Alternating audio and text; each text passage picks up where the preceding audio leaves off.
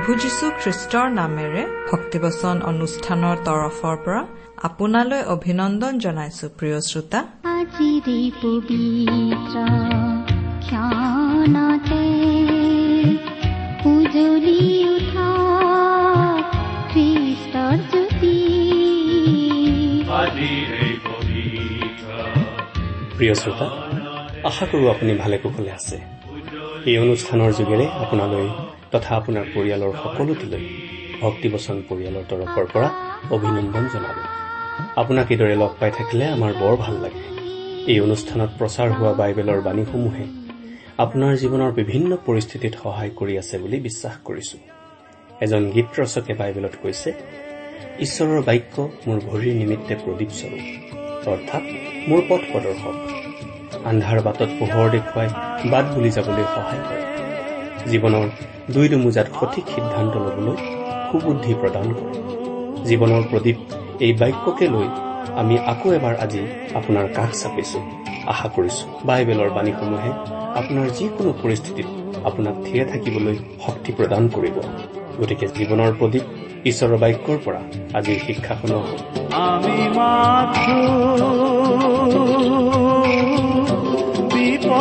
দেখা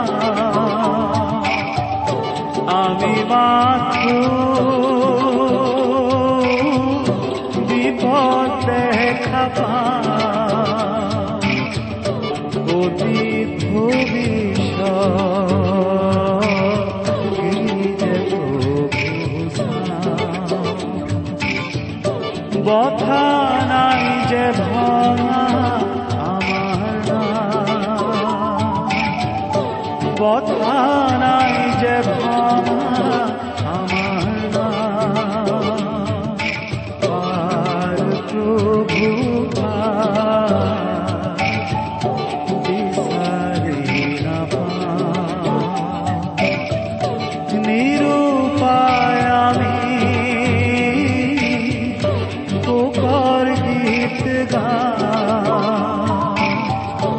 আমি মাত্ৰ বিপদ আমাৰ মহান ত্ৰাণকৰ্তা প্ৰভু যীশুখ্ৰীষ্টৰ নামত নমস্কাৰ প্ৰিয় শ্ৰোতা। আশা কৰো মহান পিতা পৰমেশ্বৰৰ মহান অনুগ্ৰহত আপুনি ভালে কুশলে আছে। লগতে আমি এইটো আশা কৰিছো যে আপুনি আমাৰ এই ভক্তিবচন অনুষ্ঠান নিয়মিতভাৱে শুনি আছে আৰু মাজে সময়ে আমালৈ চিঠি পত্ৰও লিখি আছে। প্ৰিয় শ্ৰোতা আপোনালোকৰ পৰা চিঠি পত্ৰ পাবলৈ আমি আশাৰে বাট চাওঁ আৰু সেয়েহে আমি আপোনালোকক সদায়েই চিঠি লিখিবলৈ অনুৰোধ জনাই আহিছো। আহকচোন খন্তেক প্ৰাৰ্থনাত মূৰ দুৱাওঁ হওক। স্বৰ্গত থকা অসীম দয়ালু পিতৃ ঈশ্বৰ তোমাৰ মহান নামৰ ধন্যবাদ কৰো। তুমি সৰ্বশক্তিমান সৰ্বব্যাপী সৰ্বজ্ঞানী ঈশ্বৰ হৈও আমাৰ দৰে ক্ষুদ্ৰ মানৱক যে ইমান প্ৰেম কৰা সেই কথা ভাবিলেই আচৰিত হওঁ। তুমি আমাক ইমানেই প্ৰেম কৰিলা যে আমাক পৰিত্ৰাণ দিবলৈ তুমি তোমাৰ একেজাত পুত্ৰ যীশুখ্ৰীষ্টকেই আমালৈ দান কৰিলা। তেওঁ আমাৰ সকলো পাপৰ বোজা নিজৰ কান্ধত লৈ আমাৰ হৈ ক্ৰুচত প্ৰাণ দিলে নিজৰ পবিত্ৰ তেজেৰে আমাৰ পাপৰ প্ৰায়চিত্ৰ কৰিলে। আজি তেওঁত বিশ্বাস কৰি আমি অনন্ত জীৱন লাভ কৰি তোমাক পিতৃ বুলি মাতিব পৰা হৈছো তাৰ বাবে তোমাক অশেষ ধন্যবাদ পিতা। এতিয়া আমি তোমাৰ মহান বাক্য বাইবেল শাস্ত্ৰ অধ্যয়ন কৰিবলৈ ওলাইছো। তোমাৰ বাক্য বুজি পাবলৈ তুমি আমাক সহায় কৰা। আমাৰ প্ৰতিজনৰ আগত তুমি নিজকে প্ৰকাশ কৰা। কিয়নো এই প্ৰাৰ্থনা আমাৰ মহান ত্ৰাণকৰ্তা মৃত্যুঞ্জয় প্ৰভু যীশুখ্ৰীষ্টৰ নামত আগবঢ়াইছো। আমেন।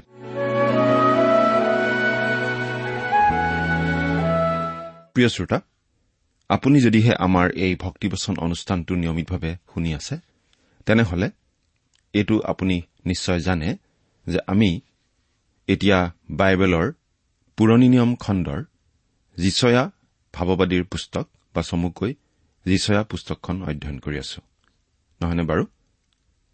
আমি যোৱা অনুষ্ঠানত এই পুস্তকখনৰ প্ৰথম অধ্যায়টোৰ শেষৰ পদলৈকে চাই আমাৰ আলোচনা আগবঢ়াইছিলো। গতিকে আজি আমি এই যিচয়া পুস্তকৰ দুই নম্বৰ অধ্যায়ৰ এক নম্বৰ পদৰ পৰাই আমাৰ আলোচনা আৰম্ভ কৰিব খুজিছো।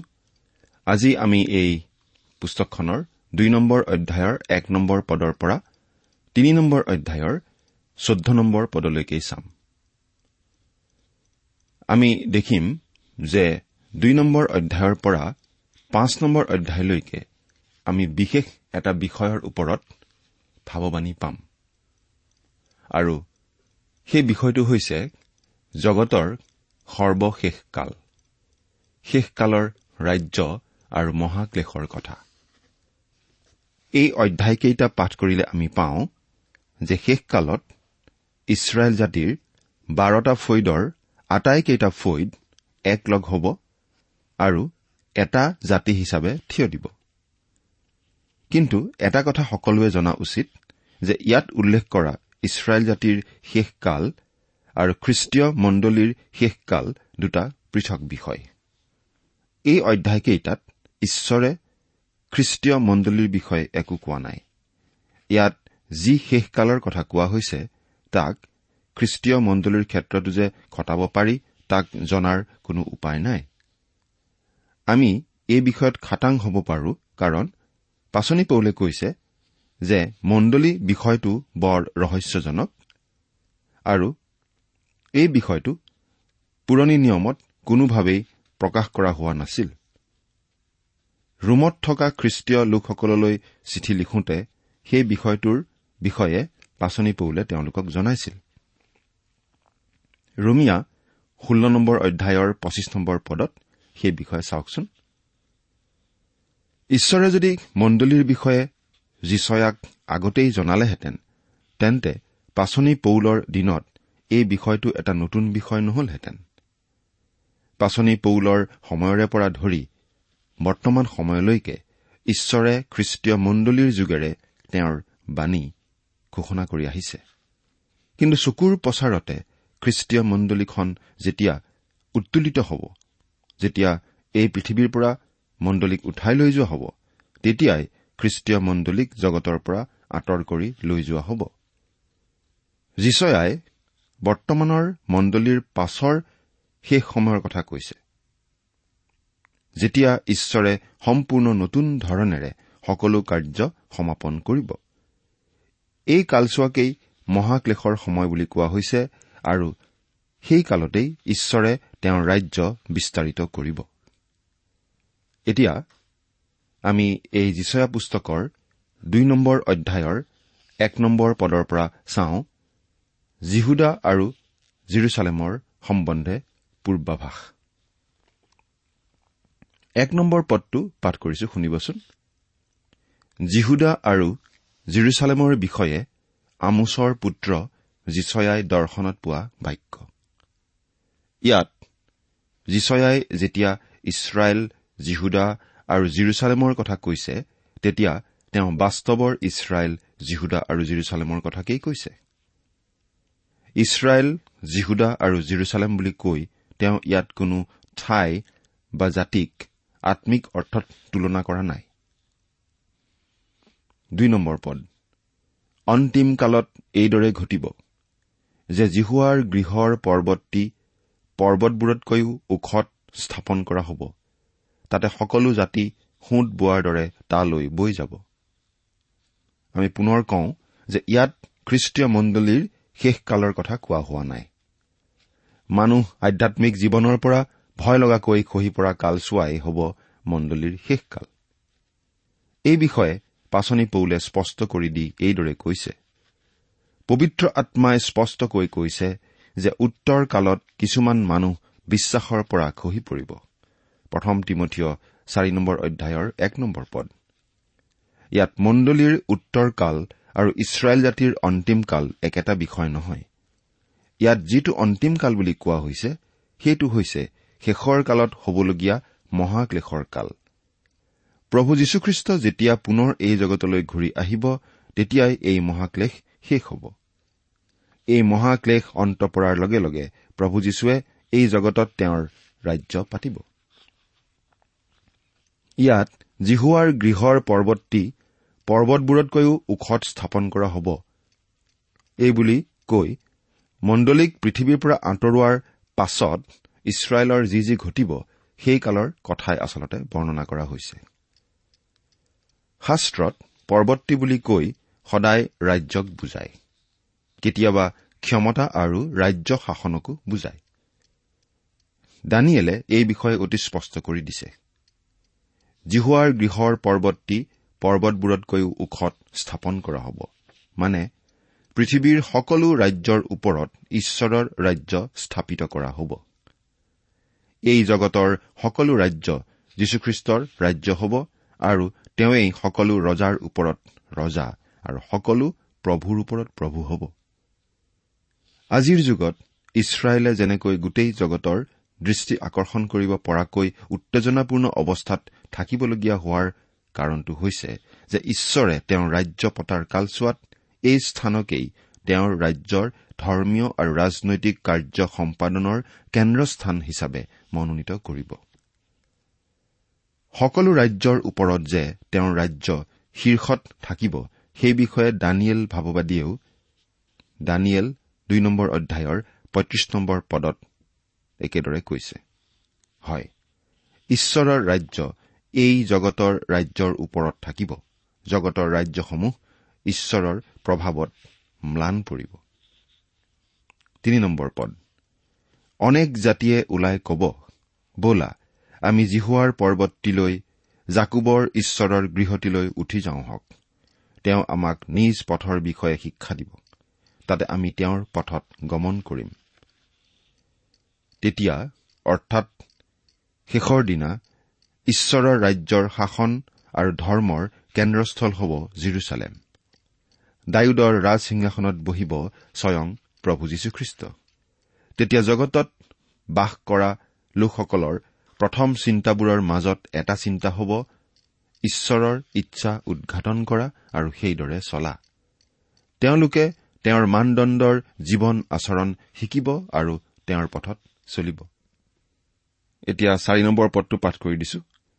তেওঁ জাতিবোৰৰ মাজত সোধ কৰিব আৰু অনেক জাতিৰ নিমিত্তে বিচাৰ নিষ্পত্তি কৰিব। তাতে সিহঁতে নিজ নিজ তৰোৱাল ভাঙি নাঙলৰ ফাল গঢ়াব আৰু নিজ নিজ বৰ্ষা ভাঙি কলম কটাৰী গঢ়াই ল'ব। এক জাতিয়ে আন জাতিৰ বিৰুদ্ধে তৰোৱাল নাদাঙিব সিহঁতে যুদ্ধ বিদ্যা আৰু নিশিকিব। খ্ৰীষ্টৰ এহেজাৰ বছৰীয়া ৰাজত্ব মানৱ জাতিৰ বাবে আন এটা বিচাৰৰ সময় হ'ব। সেই কালচোৱাত অনেক লোকৰ বিচাৰ হ'ব আৰু অৱশ্যে সেই সময়ছোৱাতেই অনেকে পৰিত্ৰাণ লাভ কৰিব। সেই সময়ছোৱাত বিচাৰ ধাৰ্মিকৰ বিচাৰ হ'ব আৰু প্ৰভুৱে সকলোকে ন্যায় আচৰণ কৰিবলৈ আৰু সুন্দৰ জীৱন ধাৰণ কৰিবলৈ বাধ্য কৰোৱাব। জীৱনত প্ৰথমবাৰৰ নিমিত্তে সকলো দেশৰ সকলো জাতিয়ে একতাৰে শান্তিৰে বসবাস কৰিব। জগতত কেৱল এই হাজাৰ বছৰ কালচোৱাতেই মানুহে তেওঁলোকৰ তৰোৱালবোৰ নাঙলৰ ফালৰূপে গঢ়ি ল'ব। তাৰ আগতে মানুহে সেই কাম কেতিয়াও কৰিব নোৱাৰিব। কিন্তু মহাক্লেশৰ কালত তাৰ সম্পূৰ্ণ বিপৰীত ঘটনা ঘটিব। মহাক্লেশৰ কালত মানুহে তেওঁলোকৰ নাঙলৰ ফালবোৰকহে তৰোৱাল হিচাপে তৈয়াৰ কৰি ল'ব। আৰু সেই কাল প্ৰভু যীশুৰ দ্বিতীয় আগমনৰ আগে আগে হ'ব।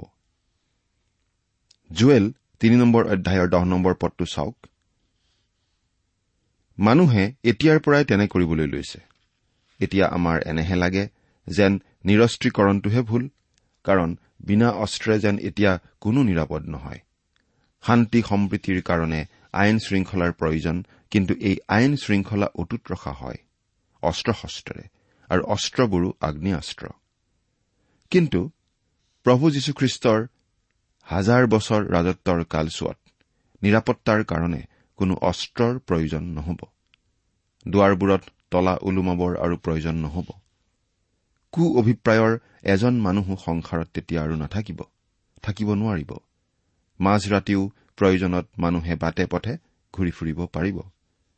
যি ৰাজ্য প্ৰভুৱে জগতত স্থাপন কৰিব সেয়া হ'ব শান্তিৰ ৰাজ্য কাৰণ প্ৰভু নিজে শান্তিৰাজ।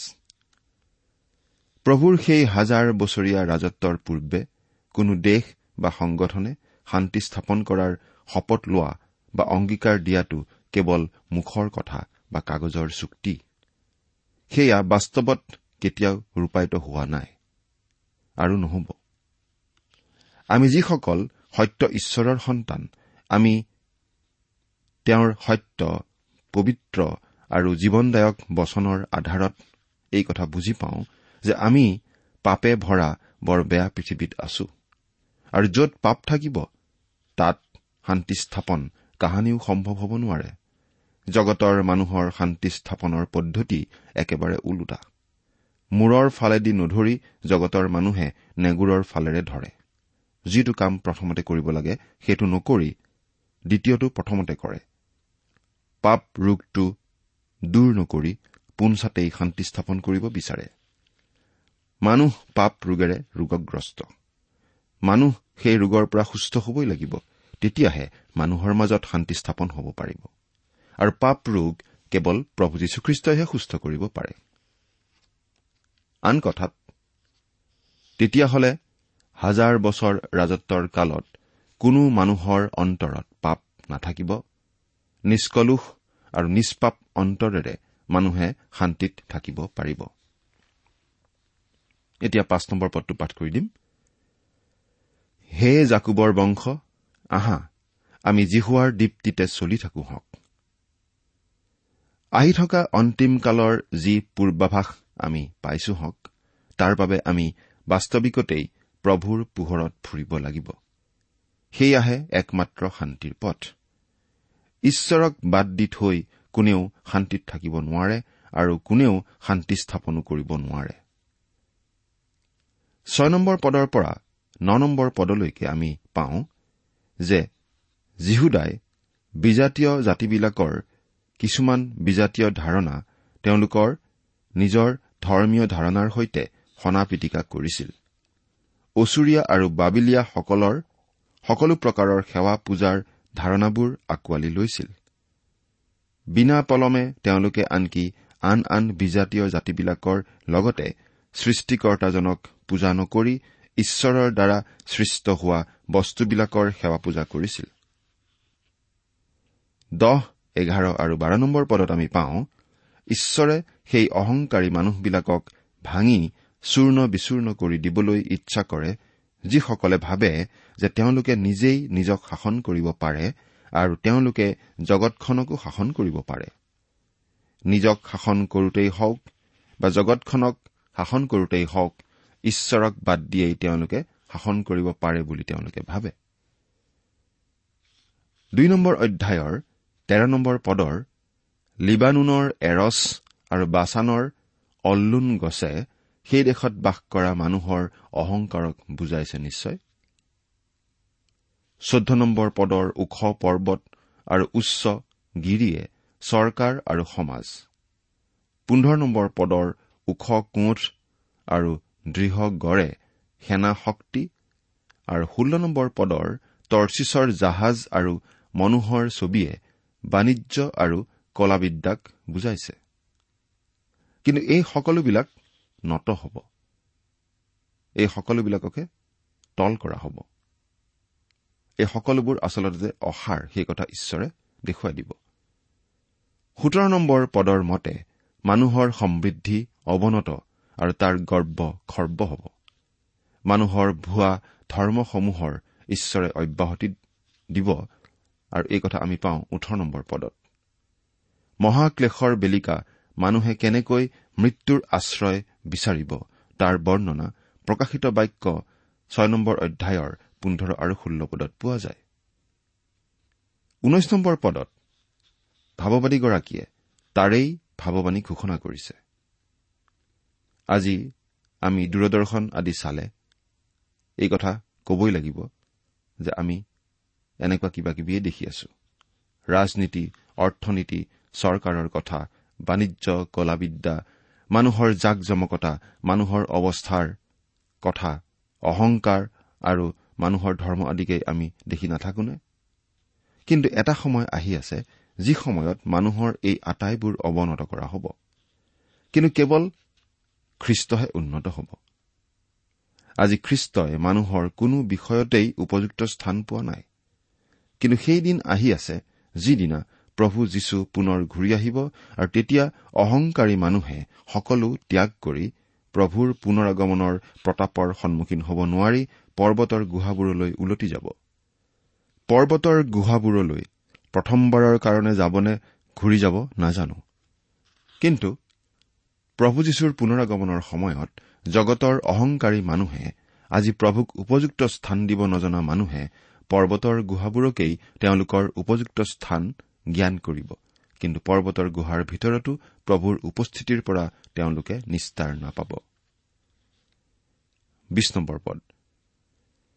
জিহুৱাই পৃথিৱীক কপাবলৈ উঠোতে তেওঁৰ ভয়ানকতাৰ পৰা আৰু তেওঁৰ শ্ৰীৰ প্ৰতাপৰ পৰা মানুহবিলাকে পৰ্বতৰ গুহাত আৰু শিলৰ ফাটত সোমাবলৈ মন কৰিব। এয়া হ'ব মহাক্লেশৰ সময়। এই মহাক্লেশৰ আগে আগেয়ে কিন্তু এই পৃথিৱীৰ পৰা খ্ৰীষ্টীয় মণ্ডলীক উঠাই লৈ যোৱা হ'ব আৰু সেই কথা আমি আগতে উল্লেখ কৰিছো।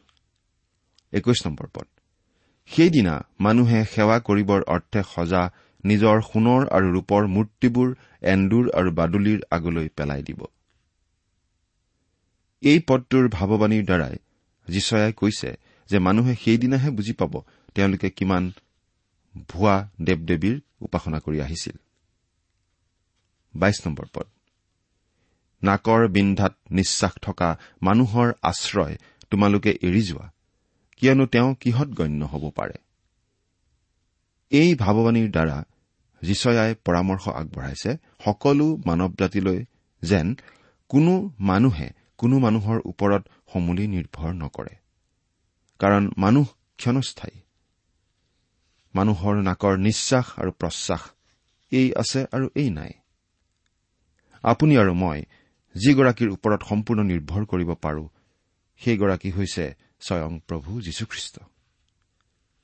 প্ৰিয় শ্ৰোতা দুই নম্বৰ অধ্যায়ৰ অধ্যয়ন আমি ইমানতেই সামৰো হওক। এতিয়া আমি তিনি নম্বৰ অধ্যায়ৰ এক নম্বৰ পদৰ পৰা চৈধ্য নম্বৰ পদলৈকে চমুকৈ আলোচনা কৰো। তিনি নম্বৰ অধ্যায়ত আমি পাওঁ বিশেষভাৱে ইছৰাইল আৰু সাধাৰণভাৱে ইছৰাইলৰ চাৰিওফালে থকা জাতিসমূহৰো সুধবিচাৰৰ বিষয়ে ভাৱবাণী যিচয়াৰ দ্বাৰা প্ৰচাৰ হোৱা কথা। এইবোৰ ভাৱবাণীৰ বহু ভাৱবাণী আক্ষৰিক অৰ্থতেই ইতিমধ্যে সিদ্ধ হৈ গৈছে। কিন্তু সকলো জাতিৰ ওপৰত সুধবিচাৰতকৈ ইছৰাইল জাতিৰ ওপৰত হ'বলগীয়া সুধবিচাৰখিনি অধিক গুৰুতৰ। কিয় বাৰু? কাৰণ ঈশ্বৰে এই ইছৰাইল জাতিটোক বৰ বেলেগভাৱে মনোনীত কৰিছিল। তেওঁৰ স্বৰ্গীয় উদ্দেশ্য সিদ্ধিৰ বাবে। আৰু সেইকাৰণে ঈশ্বৰে সৈতে নিবিড় সম্বন্ধ ৰখাৰ সুন্দৰ সুযোগ সদায়ে তেওঁলোকে পাইছিল। কিন্তু সেই সুযোগ তেওঁলোকে অৱহেলা কৰিছিল। সেই সুযোগৰ প্ৰতি তেওঁলোক সম্পূৰ্ণ উদাসীন আছিল। সুযোগ থকাসকলৰ দায়বদ্ধতাও বাঢ়ে। সেই দায়বদ্ধতাৰ বাবেই ইছৰাইল জাতিৰ ওপৰত ঈশ্বৰৰ বিচাৰ বৰ গুৰুত্বপূৰ্ণ বৰ গধুৰ হ'ব। সকলোবিলাক জাতিতকৈ ইছৰাইলে অধিক পোহৰ পাইছিল আৰু জাতিটোৱে সেই পোহৰ প্ৰত্যাখ্যান কৰাৰ বাবেই শাস্তিৰ সন্মুখীন হ'ব। সেই সম্বন্ধে অধিক ভাৱবাণী আমি এই পুস্তকত আৰু পাম। ঈশ্বৰৰ যি সুধবিচাৰ সেয়া বহু লোকৰ পচন্দৰ বিষয় নহয়। মানুহে সেইটো কথা ভাবিবলৈ বেয়া পায় আৰু সেইটো কথা তেওঁলোকে উল্লেখ কৰিলেও বেয়া পায়।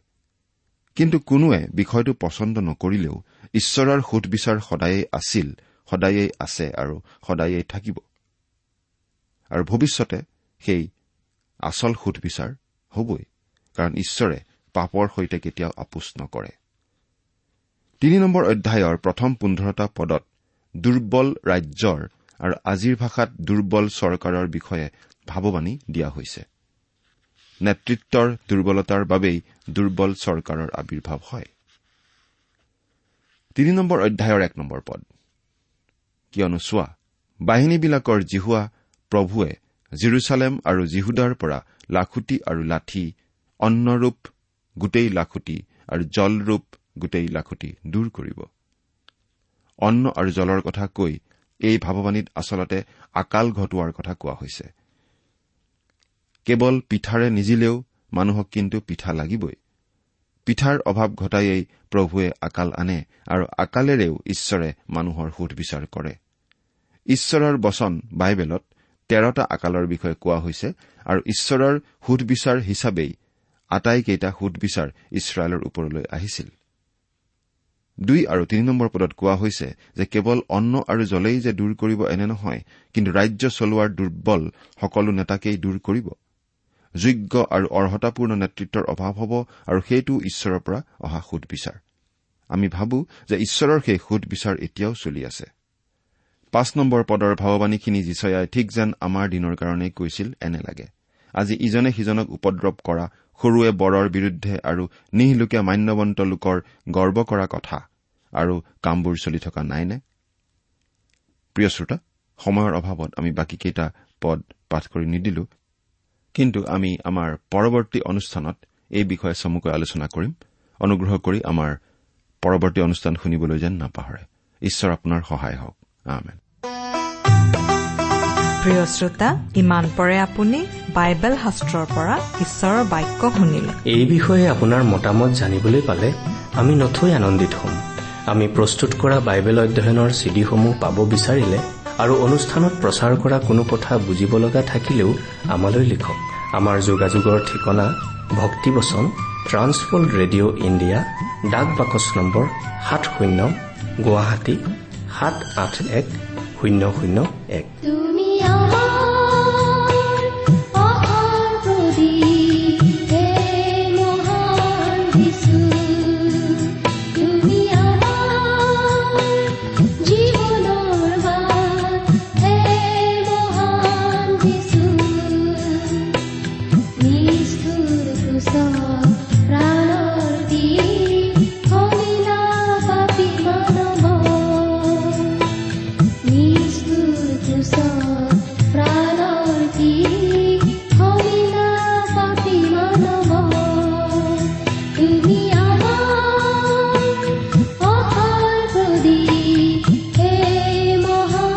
ঠিকনাটো আকৌ এবাৰ কৈছো ভক্তিবচন ট্ৰান্স ৱৰ্ল্ড ৰেডিঅ' ইণ্ডিয়া ডাক বাকচ নম্বৰ সাত শূন্য গুৱাহাটী সাত আঠ এক শূন্য শূন্য এক।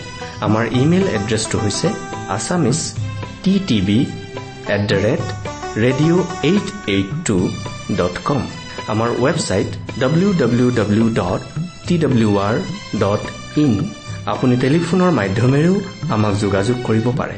আমাৰ টেলিফোন নম্বৰটো হৈছে nine eight five four zero' four zero' eight eight nine. Phone নম্বৰটো আকৌ এবাৰ কৈছো ন আঠ পাঁচ চাৰি শূন্য চাৰি শূন্য আঠ আঠ ন। আপুনি এই ভক্তিবচন অনুষ্ঠানটি আমাৰ website W W W dot radio' eight eight two dot কমতো শুনিব পাৰিব। আজিৰ অনুষ্ঠানটি ইমানতেই সামৰিছো। ঈশ্বৰৰ শান্তি আৰু অনুগ্ৰহ আপোনাৰ লগত থাকক। ধন্যবাদ।